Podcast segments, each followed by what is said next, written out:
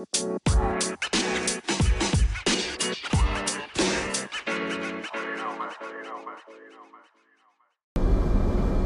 är nu uppe i luften, som ni kanske hör. Två timmar från Mumbai. På planet till Indien alltså. Mm. Jag hatar ju att flyga som ni vet. Men jag tänkte ändå att jag skulle spela in nu på, på flygplanstån när jag har möjligheten. Mm. Det var lite ironiskt när jag, precis när vi lyfte så lyssnade jag på Don't Stop Me Now från Queen. Um, Och de har en sekvens där de sjunger Like an atom bomb about to oh, oh, oh, explode. I'm burning for the sky.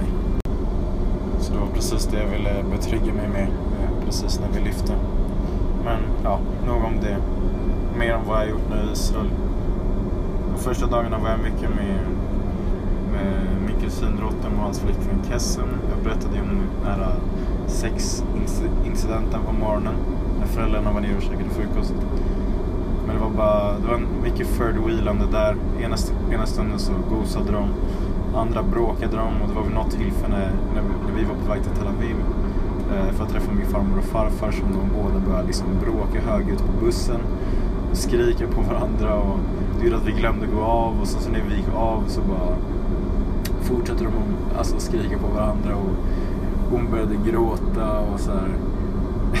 Vid ett tillfälle så började de till och med gå ifrån varandra. Liksom. Eh, tills min kusin bara, "Ja, men okej, vi, vi måste lösa det här. Men, och sa åt mig att typ vända i ett hörn. Liksom. Det var så jävla fucked up att third wheela på sådana konstiga sätt. Men det löste sig till slut. Eh, Hon kom fram sen lite halvstelt, hans flickvän, och, och bad om ursäkt. För att de hade bråkat inför mig. Liksom. Men eh, det var lite halvkul. Men annars har jag varit mycket på kibbutzen. Det kommer alltid fram mycket folk som man knappt kommer ihåg namnet på, som man knappt känner igen. Som klappar om en och tjatar om en. Och hur lik man är sina föräldrar och allt sånt tjatigt. Förutom det så var jag en kväll i Tel Aviv på något hostel. Jag gick hit och festade där.